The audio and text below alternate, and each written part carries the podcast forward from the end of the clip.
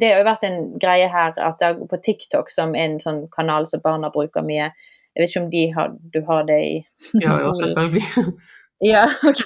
Alle, alle land har den. Alle land har den. Ok, da ser du. fra Russland nå. Ja. Og utenom Russland og Nord-Korea. Men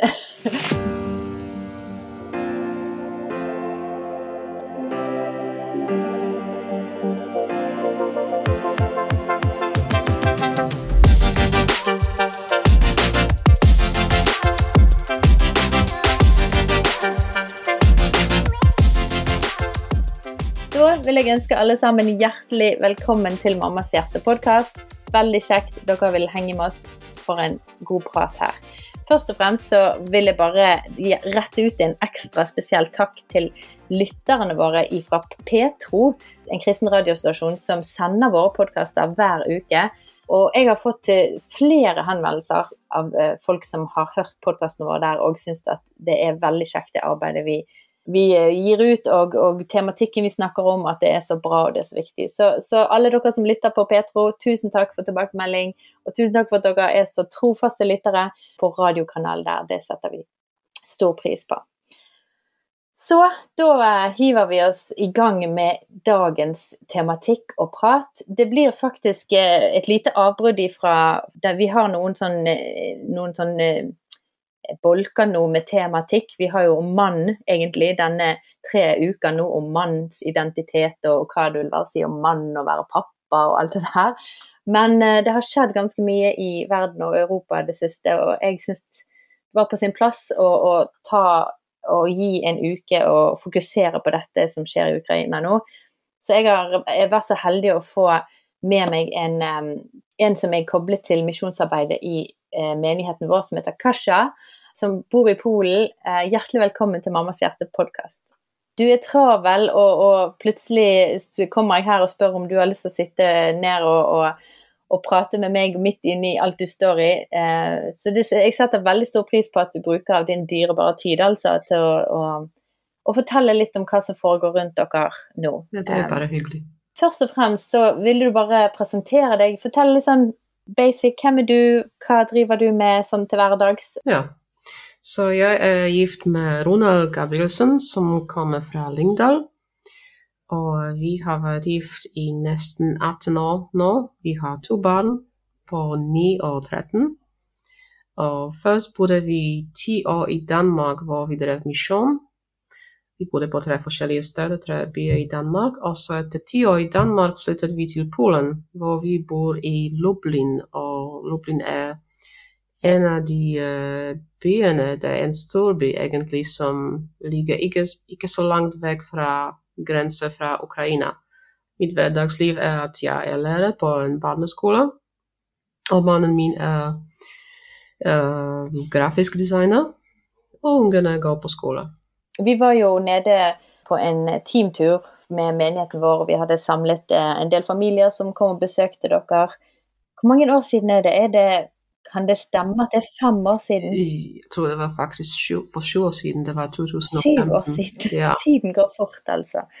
Da var vi nede og vi kjørte gjennom Vi, vi fylte bil, vi, og kjørte fra Norge og gjennom Danmark og Tyskland og gjennom Polen. Pol- Lublin ligger ganske sør, så det var jo på en måte gjennom helt fra nord og nedover. Men det var en kjempefin tur, og vi fikk, fikk treffe deg og familien og bli litt kjent. Eh, Det var ikke så lett for barna gjerne, og de snakket jo helst engelsk, og, og barna mine snakket ikke så mye engelsk på den tiden, men de fant liksom ut av det med noen sånne ponnier som de lekte med, og ja, jeg har veldig gode minner fra denne tida. veldig mye gode minner. Du og Ronald dere er jo koblet litt inn mot eh, misjonsarbeidet til menigheten vår som heter Nations Calling, hvor Ronald er spesielt eh, Ronald da, som jobber med kirken der, og er koblet da mot et nettverk som de står sammen, og de får eh, treffes og prates, og det vet jeg i hvert fall at Steinar bruker mye tid og, og treffer og prater, og Fredrik og Ja. De har en god gjeng som, som, eh, som støtter hverandre i det arbeidet. Det tror jeg er bra og viktig. Så dere har jo brukt eh, familielivet Altså barna har jo de, Er de født i Polen, de? Så de er liksom eh, Nei, de, begge to er født i Danmark, egentlig. Men så de er, stor del av barndommen er, fra, er i Polen? Ja, fordi eh, Sebastian var bare to år gammel når vi flyttet, og Camilla var seks. dette med språk i hjemmet deres. Nå er Rona han er jo eh, sørla, er sørlending, norsk Mm. sørlending, som òg er god i dansk. Og du er oppvokst eller født i Polen, er ikke du det? Jo. Så når vi er alle sammen, så snakker vi engelsk. Jeg snakker selvfølgelig polsk til ungene. Eh, Når vi er sammen med Ronald, så kommer det an på situasjonen. Hvis vi er bare sammen, bare oss to, så er det engelsk. Eh, Og hvis vi er med andre fra Norge eller Danmark, så kan det være norsk eller dansk. Og ja, det, det er kanskje litt uh, morsomt, men hvis vi har hemmeligheter foran ungene, så snakker vi norsk, fordi eh, datteren vår hun lærer litt norsk, men hun kan ikke nok ennå for å forstå uh, vanskelige ting. så vi kan bruke det som et hemmelig språk. Veldig genialt. Man må ha et hemmelig språk, ellers så blir det jo Ja. fort at de, man ikke kan holde noen hemmeligheter. Vi er jo litt når barna våre nå, Vi har jo brukt engelsk lenge, sant? og så når barna nå er blitt så flinke i engelsk sjøl, så, så vet jo ikke vi lenger hvordan vi skal eh, Og hun andre snakker, hun ene snakker jo spansk òg i tillegg, så vi kan jo ikke vi kan ikke prøve oss på noen språk. Det må bli tysk, det, da. Meg og, både meg og min mann hadde tysk på ungdomsskolen, men, men jeg tror jeg fikk to, altså dårligste karakteren i tysk. Så det blir vel kanskje bare ich liebe dich, det er det eneste. Nei, men eh, så dere har jo eh, gitt hele mm, deres familieliv litt inn i misjonsarbeid, har ikke dere det? Og, og tenker jo veldig misjonalt med livet deres. Hvordan er det å leve som, som en sånn, misjonærfamilie i Polen? Jeg tror jeg ble vant til det mens vi bodde i Danmark, så vi, eh, vi er ganske vant til det at uh, vårt hjem kan være åpent til mange som kommer. Det, I dag har det vært en spesiell dag fordi det var en familie fra Ukraina som kom tidlig på, på formiddagen, og så på ettermiddagen var det mange afrikanere som kom inn. Uh, og de hadde øvelse til eh, et møte som heter Encounter. Og det er et engelsk møte som de holder på hver søndag. Spesielt til alle afrikanske studenter. Så folk kommer og går, og det ble bare, bare normalt for oss. Ja, hvordan føler du det å bygge familie som mor, og, og, og det med å liksom få dere ene som familie tid, og eh, når det er så mye inn ut Jeg vet dere har hatt folk boende hos dere, eh, og, som, dere har vært som en slags base da, og hatt folk boende i huset deres. Hvordan syns du det har vært vanskelig å skille og, og, og verne om deres kjernefamilie, eller hvordan syns du det har vært? Eh, jeg må si det var litt vanskelig eh, av og til når andre misjonærer bodde sammen med oss. Men nå er det sånn at eh, det er ingen som bor her, med mindre de bare kommer på et kort besøk. Så det, det er ganske annerledes.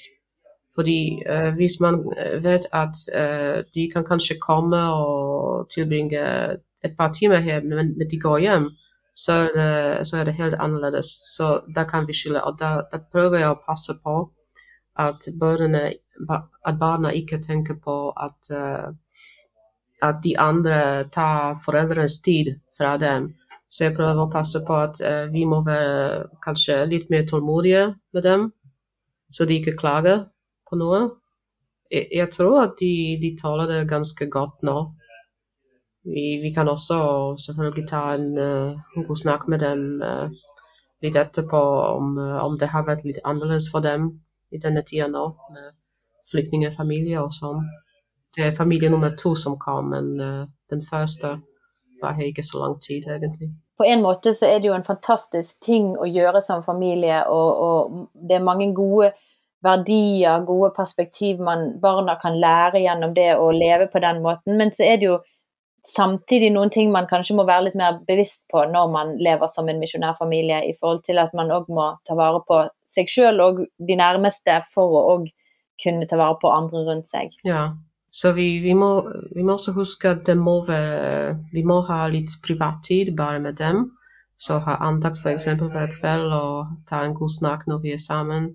Så jeg har ikke lagt merke til det at eh, det var et problem for dem at folk kommer. Og så hvis vi spør f.eks. er det greit at det kommer en familie og overnatter her, og er det ok at eh, de tar ditt værelse, Sebastian, så sier ungene bare ja, det er helt ok.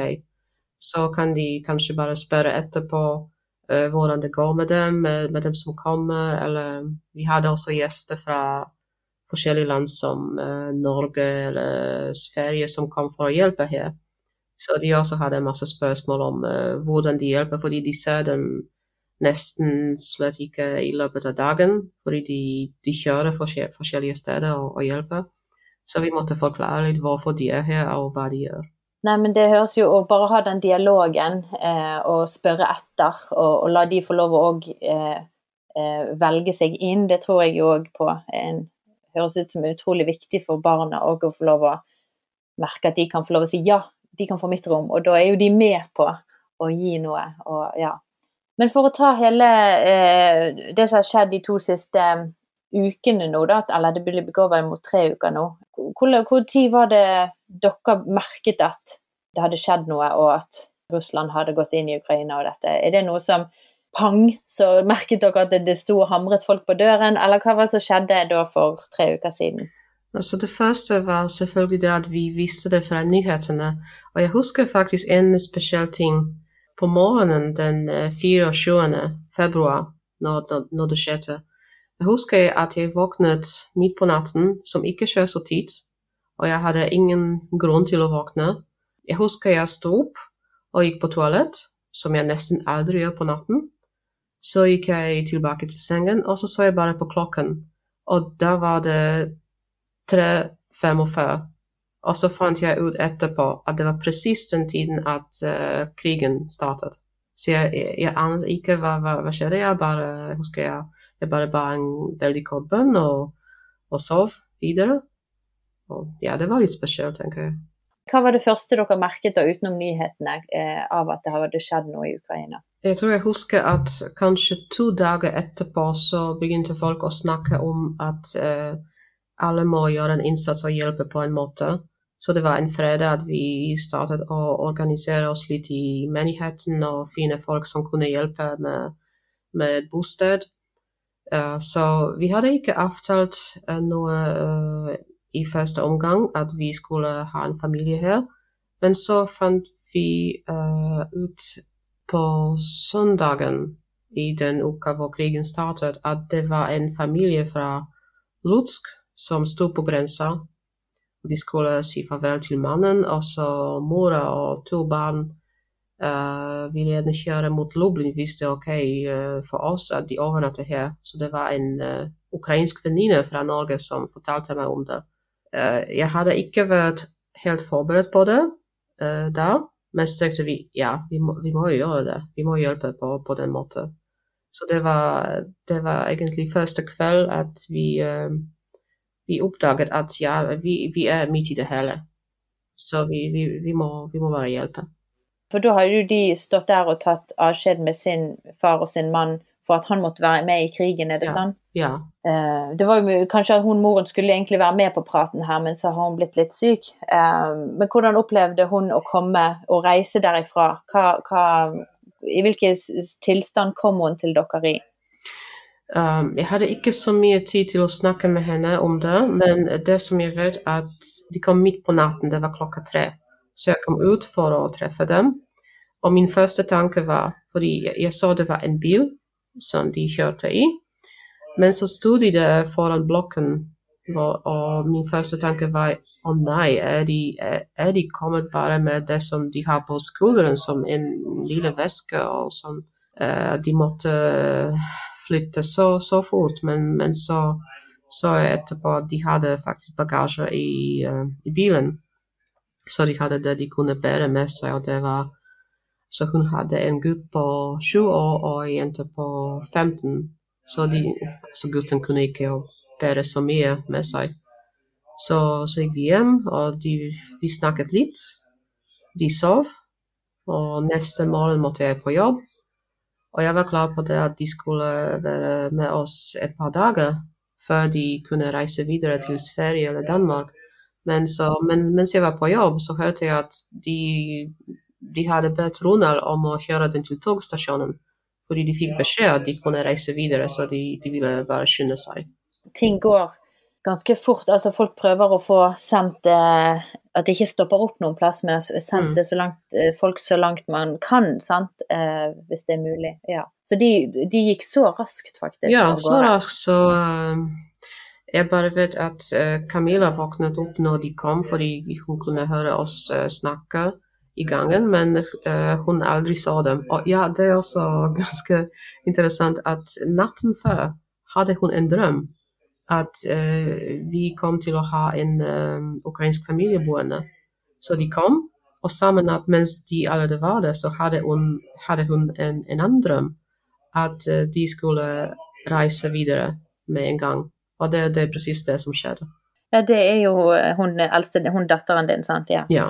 Nei, det er jo veldig spesielt. Hvordan, eh, hvordan kanskje Gud da eh, forbereder litt, da, og jobber i disse situasjonene. Ja, og hvordan har det vært da de siste tre ukene? Det, har det kommet eh, mye folk til Lublin og til menigheten deres som dere har eh, kunnet hjelpe på vei videre? Ja, så jeg vet ikke presis hvor mange folk eh, kommer til Lublin, eh, eller som var på vei gjennom Lublin og kjørte videre, men vi som menighet har to steder hvor folk kan overnatte. Og det, det ene stedet er en um, altså ganske gammel menighetsbygning, hvor det kan være plass til ca. ti, kanskje tolv personer. Og det er også et annet sted, og det er et hus utenfor Lublin som kan holde opptil 30 mennesker, har jeg hørt. Så uh, det, var, det er folk som som kjører til begge steder og hjelper dem. Fordi det som skjer, selvfølgelig, er at uh, det er ikke samme folk hele tida. Det er folk som kommer, og så går kanskje etter én dag, etter to dager, og det kommer nye. Så det er også en utfordring, for det, fordi det er utenfor byen. Det må være noen på stedet hvis de kommer midt på natten for å si velkommen og forklare de, eh, hvor de skal sove osv. Så, det har vært folk både som har tatt imot familie i deres hjem, og de som uh, kanskje har veldig små bosteder og bare hjelper på andre steder. Nei, Det er jo en enorm omveltning, eh, og vi snakker jo veldig mye om det her hjemme med at eh, nå har vi sett at det er jo over to millioner mennesker som har eh, flyktet ut fra Ukraina de, på disse to ukene eh, som har vært nå.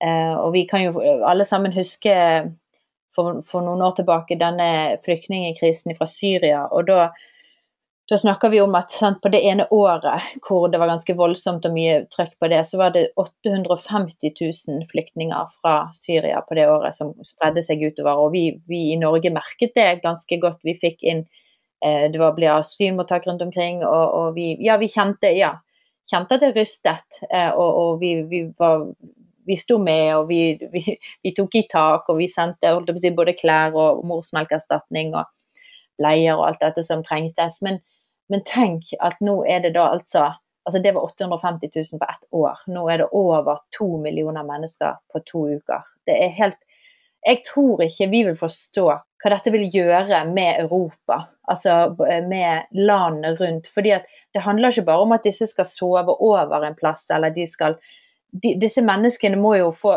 Selv om krigen om så hadde sluttet nå om en uke, så vil jo altså, bare, Folk kan ikke bare reise tilbake, for landet er ødelagt. Det er masse som er ødelagt. Folk, det er masse uro. Folk må nødt til Altså, ting må bygges opp igjen. Eh, så folk må nødt til å, å, få mulighet til å starte et liv. Barn må på, i, på skole.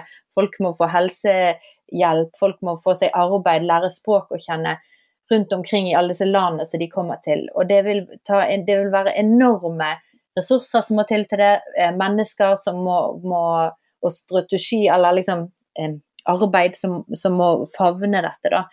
Så jeg tror at eh, vi står overfor en av de største arbeidene som, som finnes med å ta imot mennesker og huse mennesker i, i, landet i alle Jeg hører jo om flere land i Europa som er utrolig flinke og tar inn folk og Norge. Det er jo begynt å komme ganske mange ukrainere opp til Norge òg, og folk huser og folk rommer og ja.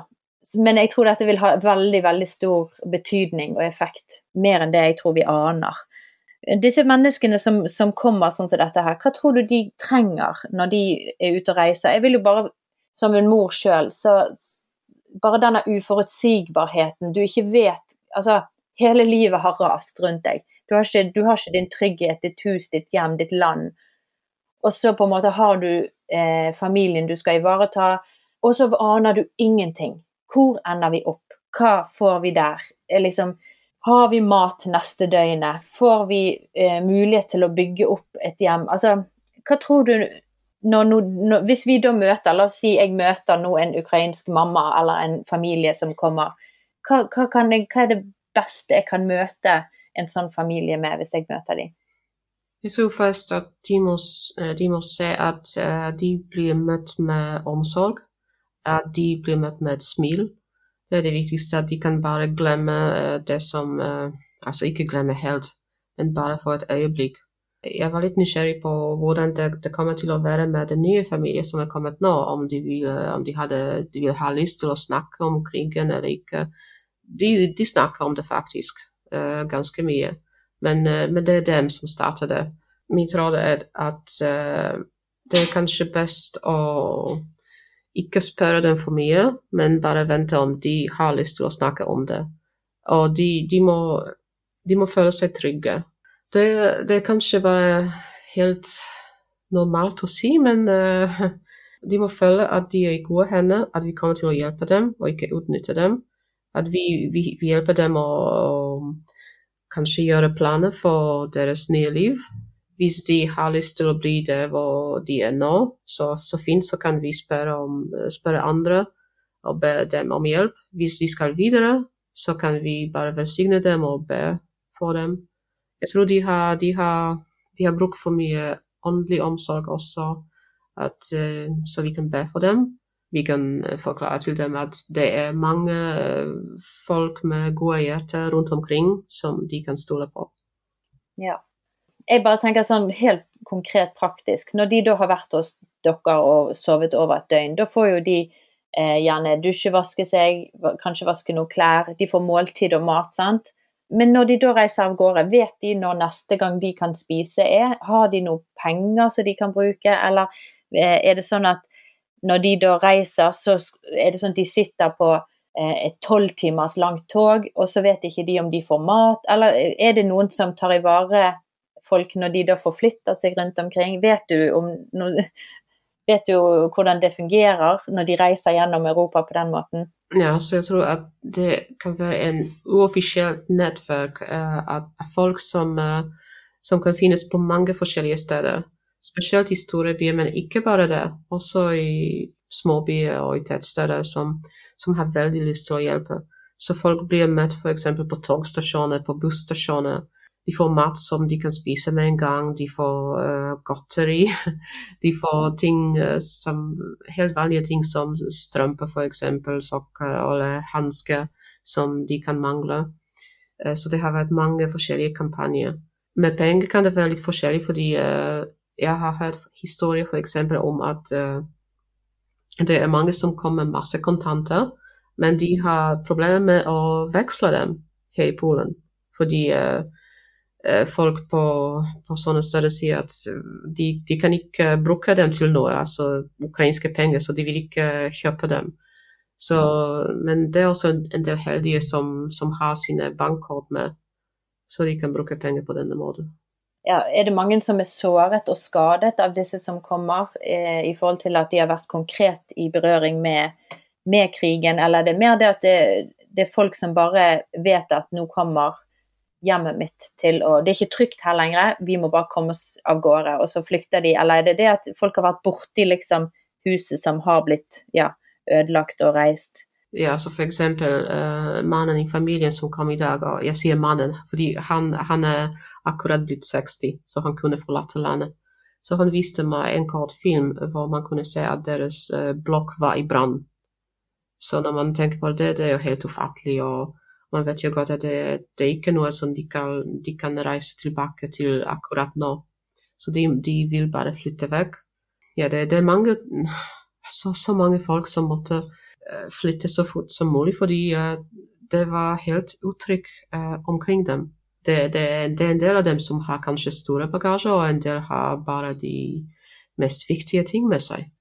Og Polen er jo et av de landene med størst grense ikke det det, mot Ukraina? Jo, det tror jeg. Er beredt til å kunne òg ta imot ganske mye folk, for det er jo ganske mange av landene rundt Ukraina òg som ja. ikke uh, har de store hjelpenettverkene. Og, og, så Polen er jo et ganske sterkt land i forhold til mange av de andre landene rundt. Og jeg har også lest i dag at inntil nå har det vært 1 million og 600 000 ukrainere som har krysset grensen med Polen. Til Polen, ja. Ja. Oi.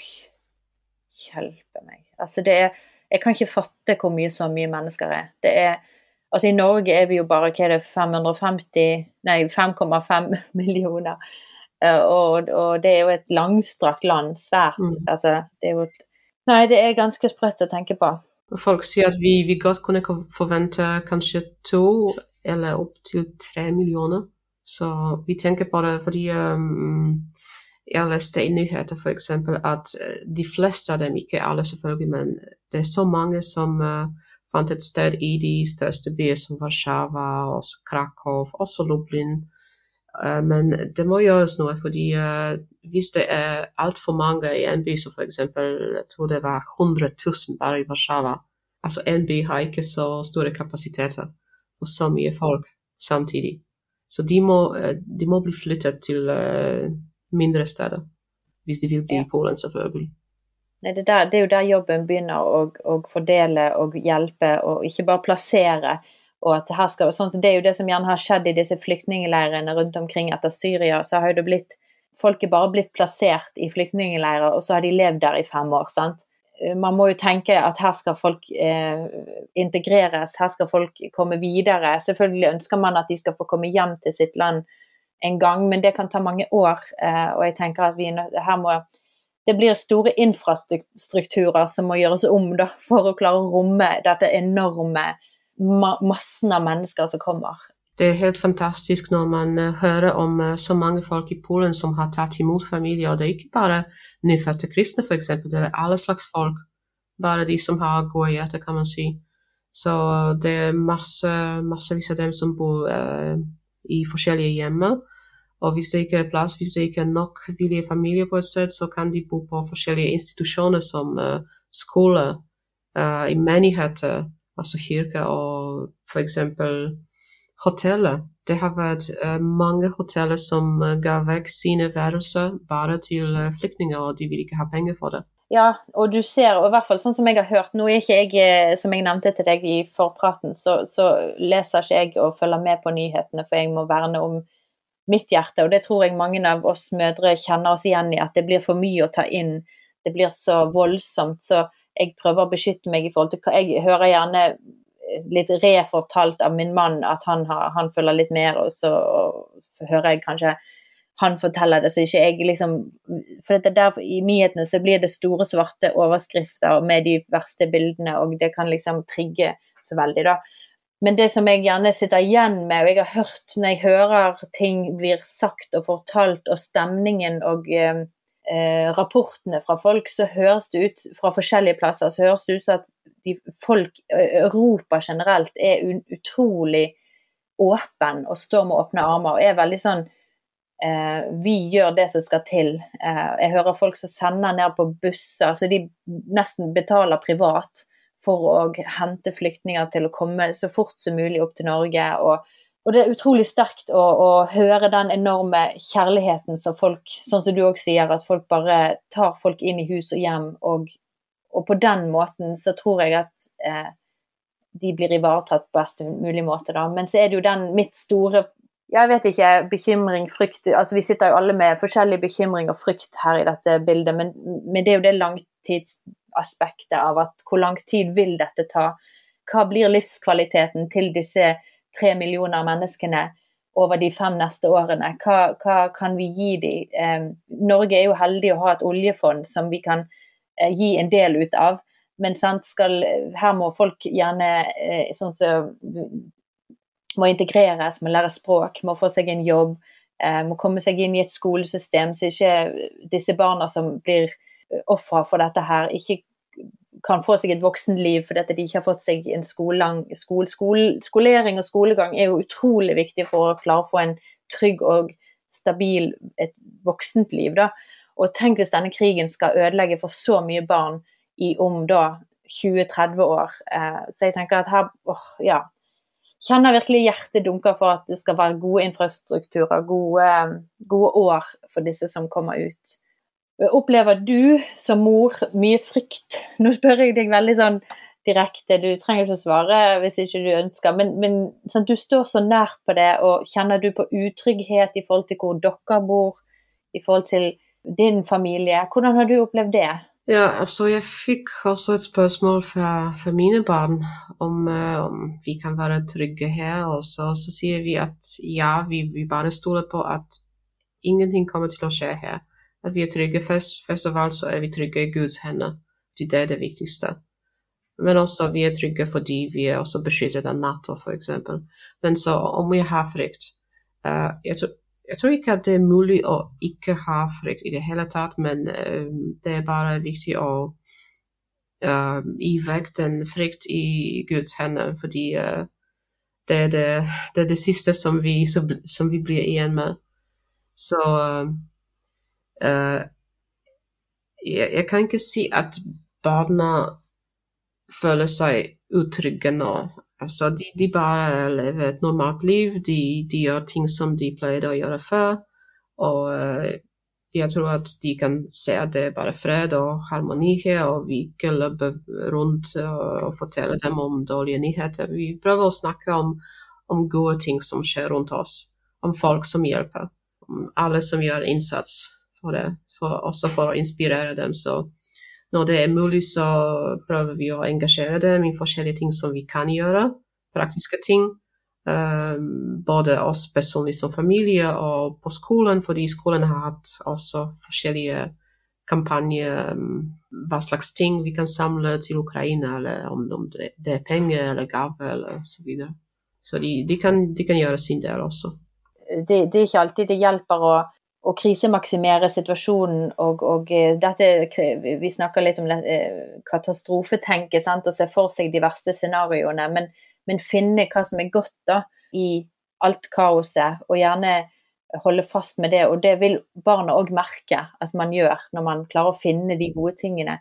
Jeg husker jeg var eh, en av de gangene jeg har opplevd sånn skikkelig at angst og frykt har tatt over kroppen min. Det var en flytur jeg hadde til Afrika som var eh, fæl og humpete, og jeg var altfor trøtt og, og, sånn, og kjente virkelig på nå kommer vi til å dø. Virkelig dødsangst, og lå på det flyet og var helt Og så husker jeg jeg gikk bak for Jeg måtte, jeg måtte faktisk på, på, toalettet og kaste opp, for jeg var så dårlig.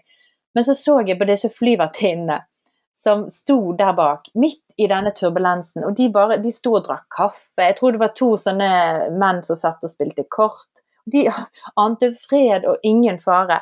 Og jeg kjente at det, det gjorde noe med meg. da, At midt i der så er det noen som eh, kjenner situasjonen, de vet hva som skjer, men så oppfører de seg så rolig. Og Da klarte jeg å roe meg, jeg òg. Og jeg tror jeg vi foreldre kan ha en litt sånn effekt på barna våre at i, selv om det oppstår ganske kaotiske ting og situasjoner, dere, det, plutselig kommer det folk midt på natten og, og ting som skjer, eh, og uroligheter rundt dere, så, så, vil barna se til dere som foreldre og hvis dere står i stormen ganske rolig og smiler, finner de positive tingene, men òg snakker om at ja, dette er tøft, dette er vanskelig, skal vi be sammen, så tror jeg at de òg vil bli smittet av den tryggheten, da. Um, og at vi kan være sånne anker for barna våre i en sånn litt urolig situasjon. Så, så utrolig fint at du sa det på den måten, for jeg husker så godt de der flyvertinnene som var gode foreldre i den situasjonen. Ja, vi må gjøre det som vi kan, for jeg, jeg vet jo godt at uh de kan høre masse forskjellige ting på skolen. Folk som sier at det blir tredje verdenskrig osv., og, så videre, og at Polen blir det neste, eller hva som helst. Så vi kan ikke unngå det. Men uh, vi, vi, kan hjelpe dem å bli litt immune. Er det et godt ord på, på norsk? Ja. Mm. immune ja. mot det. Så de hører det, men de blir ikke påvirket av alle dårlige ting. Veldig godt sagt. For vi kan ikke kontrollere hva barna får se eller får høre vi kan eh, si at ikke gå inn på Det har jo vært en greie her at det er på TikTok, som en sånn kanal som barna bruker mye, der gikk det en del vonde videoopptak fra en av de sånne verste case-scenarioer fra krig og folk som sto midt i det, og, og, måtte ta en liten runde med hun ene som er en del på TikTok her hjemme, og bare forklare at det ligger sånne ting der ute. Eh, helst ikke søk det opp og se mye på det, for det skaper frykt, og det gjør noe med med tankene og med hjertet vårt. Eh, men det er jo noe med det at du kan, sånn som du sier, man kan ikke kontrollere alt som barna får høre og får se, men man kan eh, være med og hjelpe at det er ikke det som setter seg, sant? sånn som du sier, setter seg og, og preger deres perspektiv på livet eller på situasjonen. For å gå litt over på det som har med hvordan hjelpe konkret Vi, vi er jo mange som sitter her eh, og hører på Mammas hjerte her i Norge, og vi vil jo ikke annet enn å bidra og hjelpe på en eller annen måte. Så, så jeg har liksom tenkt litt på ja, hva, hva, er det som egentlig hjelper?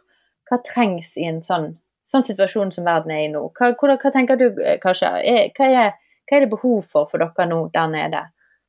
Ja, så hvis man har lyst til å hjelpe um, folk som er her nede, dem som trenger hjelp, eller som, som hjelper de andre, så en av de måtene er jo selvfølgelig å, å sender litt penger. Uh, hvis vi får penger fra utlandet, så sender vi dem videre til uh, en menighetskonto som kan sørge for at uh, vi kjøper det som trengs mest akkurat nå. Og hva er det sånne ting uh, som trengs mest? Hva er det det går mest i? Medisin, eksempel. Medisinsk utstyr.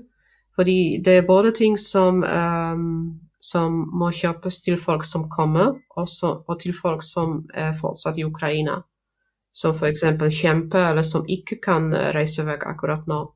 Så dere sender inn til de, da? Ja. Så medisin, uh, det er egentlig til, til begge grupper, fordi uh, det, det kommer også folk som er syke. Eh, ja, det er også det er mat som vi må kjøpe fordi de må spise noe mens de er på de uh, steder som vi driver som menighet. Det er også mulig å gi vekk ting som klær, men da tenker jeg at man må være veldig forsiktig og huske at når, når du gir noe vekk, så husk på at uh, det må være fint.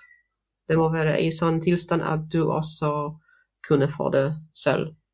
Så ikke gi vekk noe som er, som er, ødelagt. Og jeg håper at alle nordmenn uh, tenker nok på det, men det, det, det har vært uh, mennesker i andre land som, som har glemt litt at uh, vi må bare gi vekk de beste ting som vi kan, og ikke dårlige som vi, har bare lyst til å kaste ut fra skapet. Jeg husker jo eh, i Syriakrisen så drev vi og pakket litt sånn aldersbestemt poser, og gjerne sesongbestemt også. At vi lagde litt sånn eh, Her er det til en jente på ti år, mm. sommerklær med litt sånn eh, sko, eh, enkelt sommerantrekk eh, og, og, sånn. Og så hadde du kanskje et vinter jente ti år, vinterantrekk. Eh, er det hjelp å kunne sortere og lage litt sånn type Ja, det hjelper veldig mye. så de kan spare ganske mye tid uh, når de ikke sorterer det, men de kan bare sende det vekk til de som trenger det. Ja, så ja. gutt, jente eller voksne kvinner, menn, uh, størrelse osv. Så, så bra. Og vi kommer nå òg til å legge denne uken spesielt, og vi kommer sikkert til å fremme det resten av tiden òg, men på Mammas hjerte, vi har bestemt oss at vi ønsker å, å som fellesskap Vi er jo en, en liten gruppe her i Norge som, som henger mye sammen. og, og vi, vi, har lyst til å oppfordre våre følgere til å støtte og backe arbeidet deres. Eh, kanskje. Så vi kommer til å legge kontonummer, Vipps-nummer og eh, en eh, nettside-link eh, til dette i alle våre kanaler, sånn at folk kan gå inn og se litt hva arbeidet deres menighet gjør. Og, eh, for der kommer pengene uavkortet rett ned til akkurat som du sier, medisiner, mat og, og, hjelp til disse menneskene som kommer. da. Ja. Så det vil jeg oppfordre alle. Eh, dere, eh, dere, som følger og lytter på, dere har sikkert gitt allerede, og, og, jeg tenker dette er noe vi bare må i en stund fremover gi fast til. Eh, og, og, hvis du har mulighet en, en uke eller en måned og støtte arbeidet til Kasha og Ronald, så tror jeg at det, at det kunne kommet godt med, ikke sant Kasha? Jo, Eh, hvordan er det med å For det er jo folk som gjerne har jeg hørt har dratt ned og blitt værende der en uke og gjør praktisk arbeid og hjelpe til på den måten. Trengs det mye sånne folk som kommer ned og liksom bruker av sin tid? Ja, det må jeg si faktisk.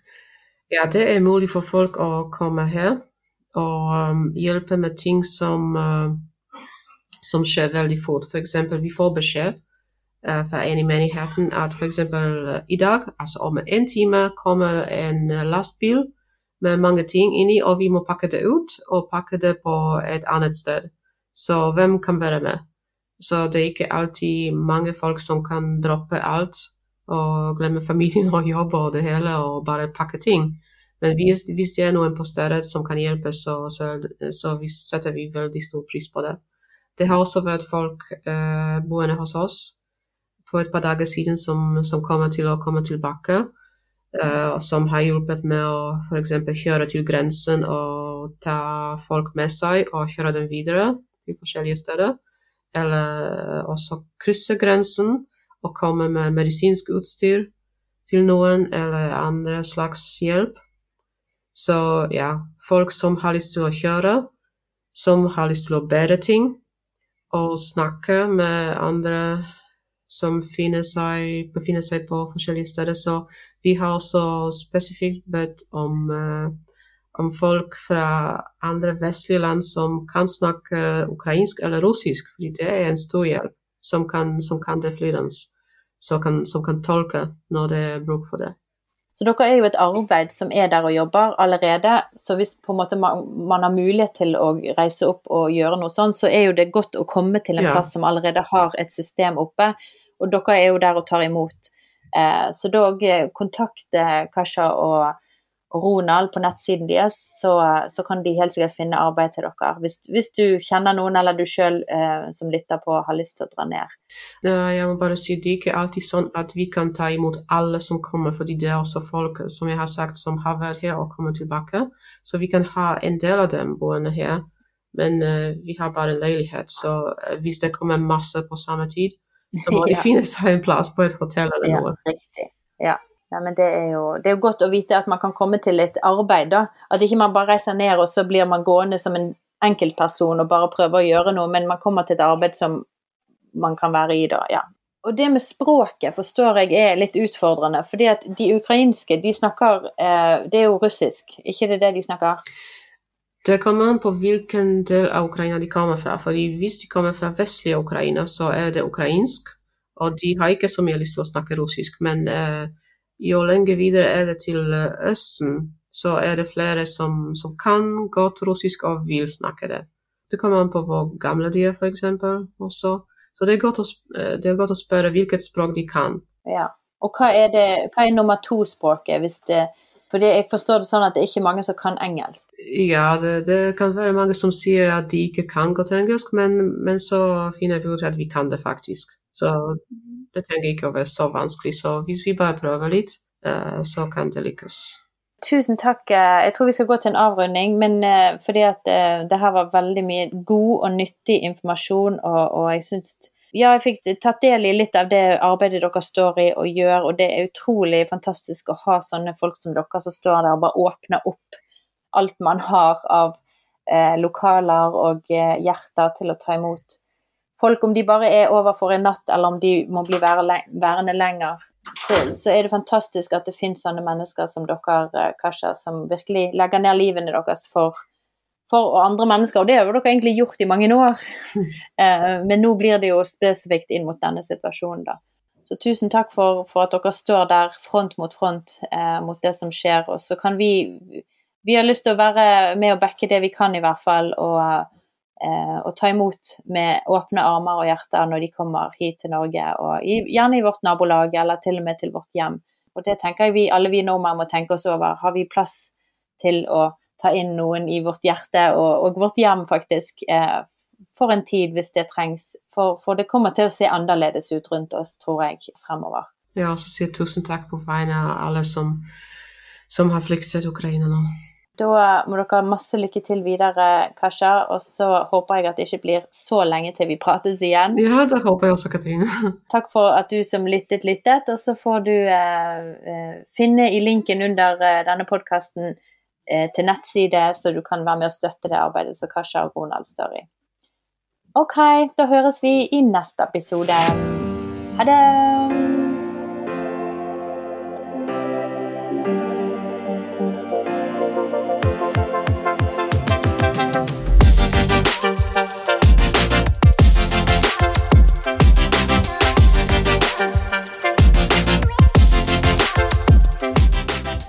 du har tilbakemeldinger, tanker eller spørsmål etter det vi har snakket om i dag, så skriv inn til post alfakrøll mammashjerte.no. Vi svarer alle mail. For å lære mer om Mammas hjerte kan du besøke vår nettside mammashjerte.no.